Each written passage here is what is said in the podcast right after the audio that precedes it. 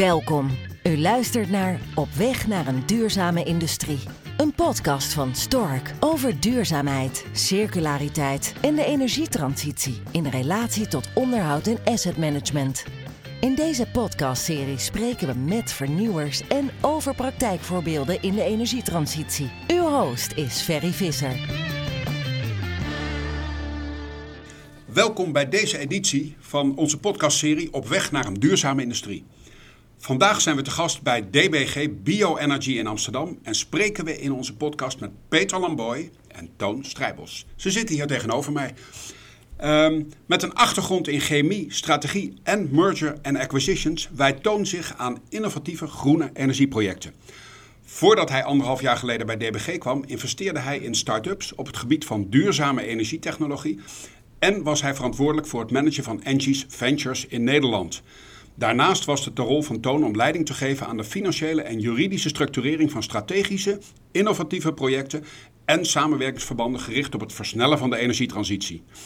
Nu, bij DBG Energy, neemt Toon de verantwoordelijkheid op zich voor het contracteren met een zeer diverse groep, belanghebbenden, zoals aannemers, havens, afnemers, investeerders, maar ook voor het opzetten van nieuwe projecten.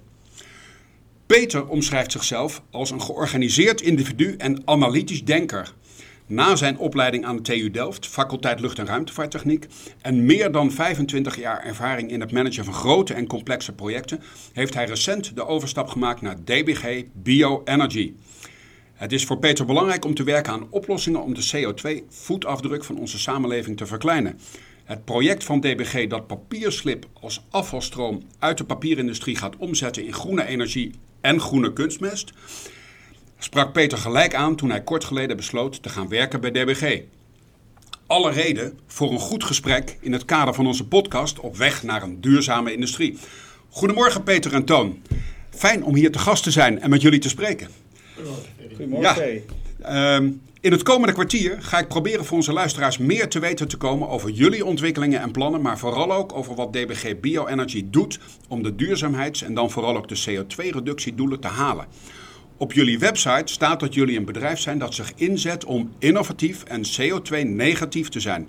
In het licht van de ambitieuze ambitie om als samenleving naar een carbon net zero en meer milieuvriendelijke wereld te ontwikkelen. Hier is mijn eerste vraag aan Toon opgericht.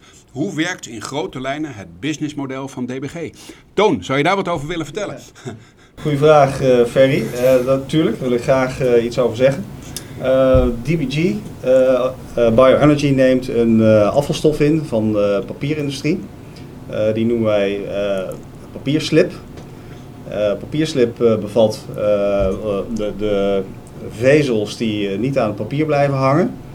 En die vezels, uh, cellulose, ja. uh, met, met uh, lignine, lignine dat, dat kunnen we vergassen. Daar maken we biogas van.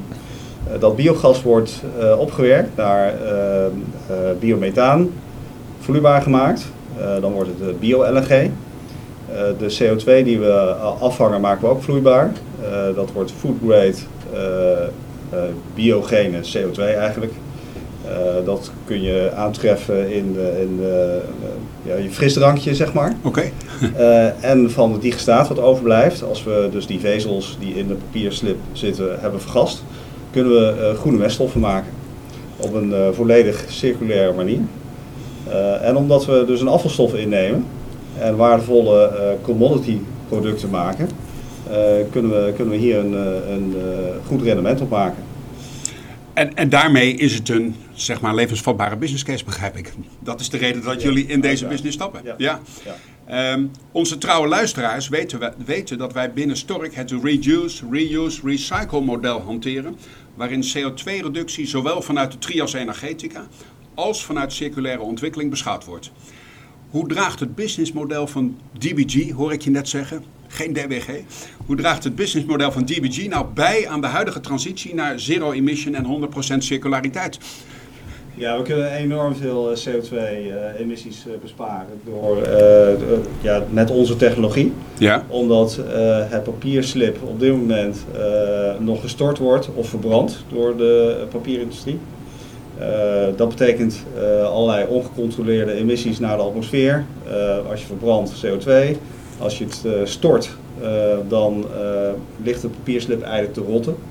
En dan krijg je methaanemissies. Ook emissie, ja. En CO2-emissies. En je krijgt allerlei uitspoeling naar grondwater. Nou, wij nemen deze afvalstof in uh, via een, een, eh, uniek voorbehandelingsproces waar wij patent op hebben. wat ons uniek maakt, omdat geen andere partij dit, dit kan, kunnen wij ehm, de papierslip vergisten in een normale anaerobic digestion proces eigenlijk. Dus wat we al kennen van ehm, uh, kleine boerenbedrijven die uh, mestvergisting doen bijvoorbeeld. Dat doen wij op grote schaal, maar dan met uh, deze fietsstok. Um, we vangen de methaan af, we vangen de CO2 af. en met het methaan waar we bio-LNG van maken, kunnen we fossiele brandstoffen vervangen. Waar de eerste CO2-besparing in zit. Want dat betekent dat, dat we dus een brandstof hebben die van biogene oorsprong is doordat we de CO2 die ook gedurende de vergisting wordt geëmiteerd, die vangen we af en maken we vloeibaar. En die wordt alternatief ingezet ja, in allerlei sectoren waar dat nu ook al wordt gebruikt. Als koelmiddel, als ja, prik in je limonade bij wijze van spreken, dat soort zaken. en in totaal in, de, in die tak besparen we al 80.000 ton CO2 op jaarbasis. Maar dan hebben we het nog niet over de, uh, de meststoffen die we ook maken. En daar kunnen we direct concurreren met uh, kunstmest. Kunstmest wordt gemaakt met, uh, met aardgas. Zeker, ja. Dus als we een deel van de kunstmest kunnen gaan vervangen met onze meststoffen, zit daar ook een heel groot gedeelte van, van onze besparingspotentieel. Het, het, het, klinkt als het ei van Columbus eigenlijk, hè? Wat, wat, wat, jullie gaan doen. Want in, in alle facetten van het proces zitten uiteindelijk CO2-besparings uh, uh, zeg maar elementen. Maar vervolgens worden er ook zeg maar, producten ontwikkeld die weer een belangrijke bijdrage leveren aan de energietransitie. Omdat we die, nou ja, die brandstoffen uiteindelijk toch nodig hebben om die slag te kunnen maken. Dus, uh, dus dat klinkt fantastisch. Um, en niet alleen jullie proces is duurzaam, maar Peter, ik heb begrepen dat ook bij de bouw jullie een cradle-to-cradle uitgangspunt hanteren. Want jullie gaan een nieuwe fabriek bouwen. Die komt in Delfzijl te staan, heb ik begrepen. Uh, zou je daar wat over willen vertellen? Want daar is de luisteraar ja. vast ook heel nieuwsgierig naar. Graag, Ferry. Um, ja, bij de bouw zelf um, gebruik je uiteraard de klassieke bouwvoertuigen. Uh, als het zou kunnen, zouden we dat heel graag allemaal elektrisch doen. Voor het ontwerp van de fabriek hebben we veel meer mogelijkheden om daar invloed uit te oefenen. Um, en voor het bedrijven van de fabriek. Uh, we gaan sowieso de elektriciteit die we voor de fabriek gebruiken puur groen inkopen. We zetten zonnepanelen op het dak. Um, alle voertuigen die we voor de bewegingen op het terrein gebruiken, die willen we elektrisch gaan maken. Um, we willen de warmte die ontstaat bij het vloeibaar maken van het methaan en CO2 hergebruiken in het eigen proces.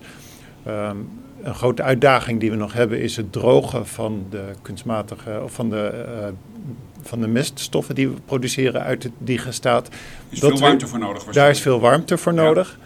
Die, uh, dat willen we zo groen mogelijk doen. Dat gaan we doen met warmtepompen. En als basiswarmte willen we de warmte uit de vergisting gaan gebruiken. Dus we proberen om alles met alles te combineren om de hele fabriek zo groen mogelijk te maken. Nou, dat, dat, is natuurlijk, maar het past helemaal bij jullie natuurlijk uh, missie om, uh, om uiteindelijk die bijdrage te leveren aan die energietransitie. Uh, klinkt heel goed. Ehm, jullie feedstock is papierslurry. Nou zullen de meeste luisteraars van, van ons niet direct een, een gevoel hebben bij uh, wat is dat dan? Hoeveel, hoeveel is daarvan beschikbaar? Um, wat gebeurt er momenteel mee? Um, Toon, jij hebt al een beetje gezegd wat er momenteel mee gebeurt. Maar we zijn eigenlijk wel nieuwsgierig. Tenminste, ik ben nieuwsgierig. Is daar wel voldoende van? En uh, als je daar inderdaad grote stromen van, uh, van ook bijvoorbeeld kunstmest mee wil produceren. Hoe werkt dat dan? Um, zo, ja, Peter wil daar graag wat over vertellen, geloof ik. Hè? ja, ik, ik, zal daarop antwoorden. Dat, ja. is zeker, dat is een vraag die we heel vaak voorgelegd krijgen. Um, sowieso de vraag, Ehm, ja, papier. Wordt het papiergebruik niet steeds minder? Ja, Loopt dat niet ten einde? Eh, nou, dat, dat is niet zo. Inderdaad, op kantoor ehm, druk je minder af. En ik lees mijn krant ook digitaal. Ik ook. Ja, maar aan de andere kant gebruiken we steeds meer verpakkingen. En verpakkingsmateriaal wordt steeds meer ehm, als karton uitgevoerd in plaats van als styropor. En de totale consumptie van papier stijgt op het moment en Zo, daalt niet. En dat komt door alle transport, alle pakjes die we bij Amazon bestellen en ga maar door. Ehm, in Europa gebruiken we op het moment per persoon 125 kilo papier per jaar.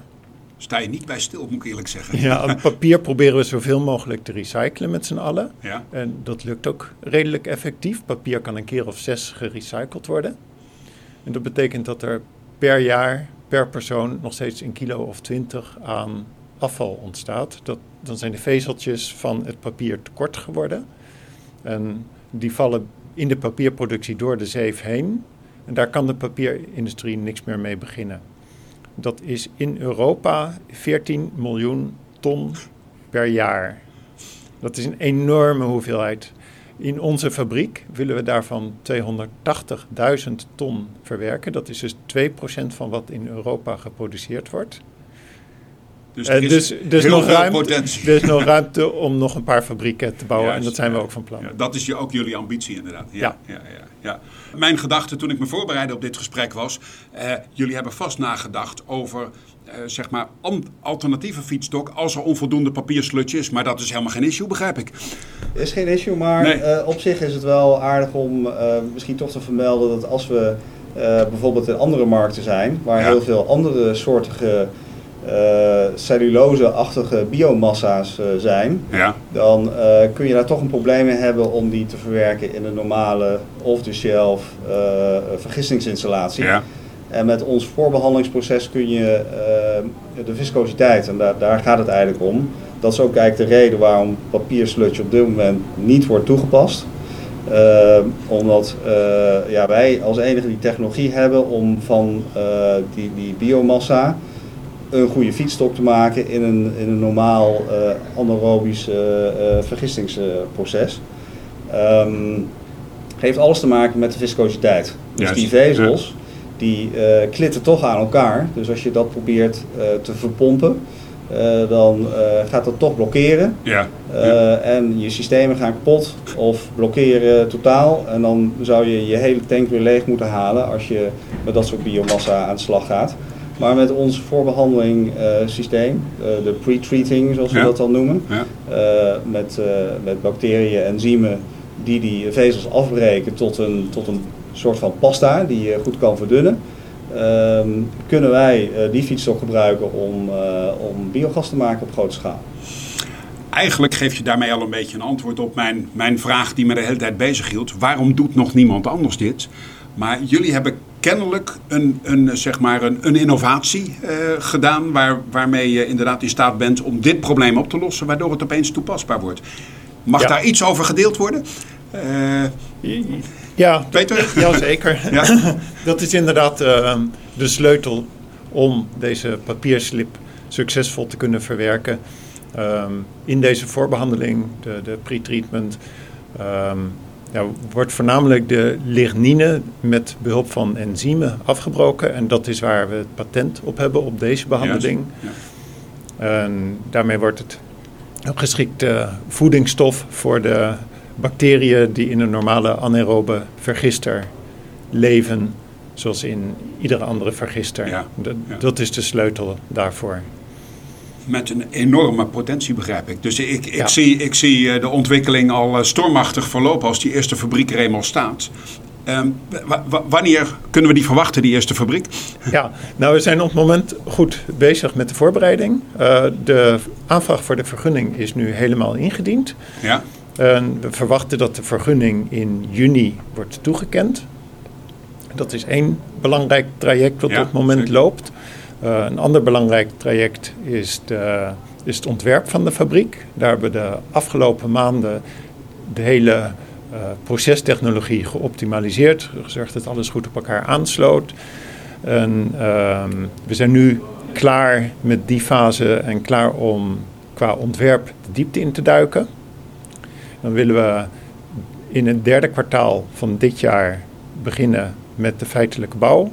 Met de uh, funderingspalen, de funderingen en dan het civiele deel. Ja. dat moet in het derde kwartaal van 2024 afgerond worden, zodat we voor het eind van 2024 kunnen beginnen met in bedrijf stellen. Zo. Is een ambitieus ja, schema, ambitieus. zeker, maar daar zetten onze schouders onder. Onze schouders onder. We, we, we, lopen naar het eind van onze podcast, want uh, ja, de, daar hebben we maar. We, kunnen hier nog uren over doorpraten, wat mij betreft. Um, een, een, laatste vraag uh, die ik altijd wil stellen, is, is of jullie nog een advies hebben aan de luisteraars van deze podcast. Uh, waar, waar, jullie tegenaan gelopen zijn. Een, een learning, een, uh, een, een, zeg maar een, uh, iets wat het proces versnelt om inderdaad die ontwikkeling naar een duurzame industrie mogelijk te maken.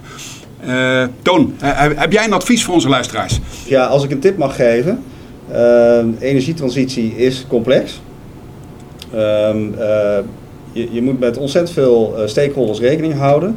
En voor ons is gebleken dat ja, als je uh, dus verschillende soorten producten maakt die op verschillende manieren naar de markt gebracht kunnen worden.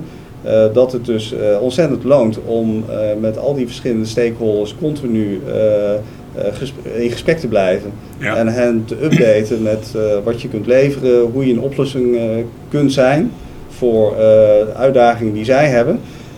En dan vormt die markt zich um, ja, om jou heen zou ik bijna zeggen. Want de regelgeving, uh, natuurlijk ook een belangrijk issue, die is ook nog niet set in stone. Dus afhankelijk van hoe de regels uitvallen, is de ene klant interessanter voor je dan de ander. dus hou ook vinger aan de pols met het, het, het wetgevingsproces. Ja, dat, dat kader waar je mee te maken hebt. ja. ja. ja. Maar eigenlijk luister ik jou. Het, het, is een soort ecosysteem, hè? Wat je aan het bouwen bent. En waar je ook, nou eigenlijk bijna als orchestrator, in, in, als spin in het web, dat ecosysteem uh, zeg maar om je heen vormt. En, en nou ja, dat, uh, dat brengt jullie heel veel, begrijp ik. Ja, ja. Uh, Peter, een laatste woord van jou misschien nog. Heb jij daar iets op ja. aan te vullen? nou, ik zou graag een hele andere op een hele andere manier willen antwoorden. Ah. Um, ik zou willen antwoorden als iemand vraagt om advies. Uh, denk erover na in wat voor wereld je zou willen leven over 20 of over 30 jaar.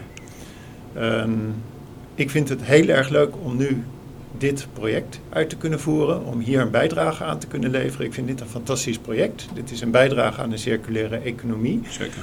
Um, maar iedereen kan ook in zijn eigen leven erover nadenken in wat voor wereld wil ik leven en daar zijn eigen handelen naar uitrichten. Uh, op wat voor manier stem je, op wat voor manier uh, consumeer je. Ja. Uh, dus ik kan iedereen alleen maar aanbevelen, kijk verder dan morgen, kijk 30 jaar vooruit. Een stukje inspiratie, ja, ja nou, ik, ik vind het een hele mooie, mooi advies natuurlijk, wat zeer relevant is. Uh, en, en jullie hebben hier ja, met, met jullie verhalen over, uh, over nou, de, de, het proces en de nieuwe fabriek die jullie gaan bouwen, de luisteraars een mooi inkijkje gegeven in jullie aanpak richting klimaatneutraliteit. Want daar zijn we met z'n allen natuurlijk mee bezig. Deze podcast heeft als doel om kennis en ervaring in de industrie met elkaar te delen.